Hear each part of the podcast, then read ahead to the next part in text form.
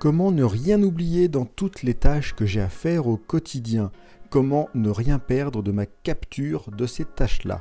Bonjour, vous êtes sur J'ai pas le temps pour ça, le podcast qui vous propose en moins de 3 minutes d'explorer des méthodes, des trucs et des astuces d'organisation pour être à la fois plus efficace et plus tranquille dans ce que vous faites.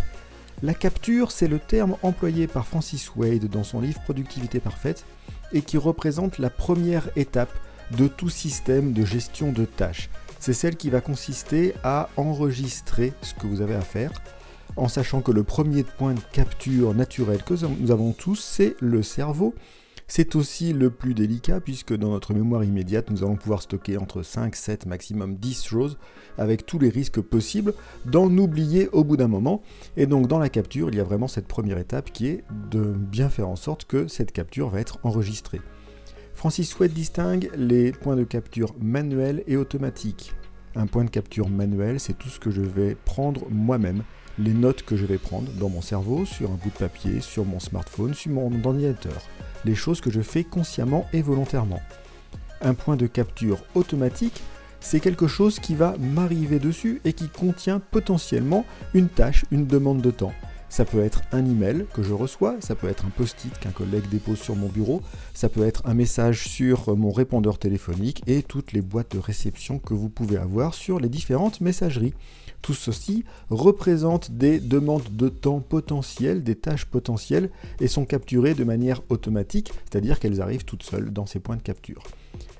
Le risque dans tout ça, eh ben, c'est justement la multiplication et donc le risque d'en oublier.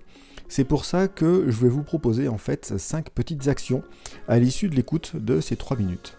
Première chose, où est-ce que vous capturez vos tâches? Où est-ce que vous les écrivez, vous les notez, à la fois en automatique et en manuel Combien de points de capture vous avez? Là, c'est important d'être le plus exhaustif possible.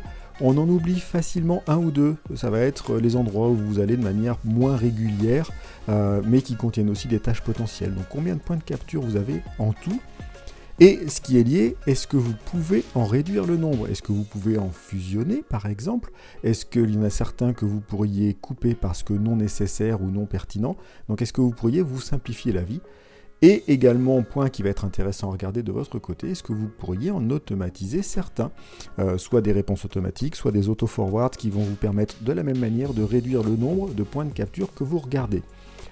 Deux choses qui sont importantes sur les points de capture, évidemment ne rien oublier et pour ce faire donc noter aux bons endroits, récupérer et potentiellement éviter un nombre trop important qui fait que même de toute bonne foi vous risquez d'oublier quelque chose.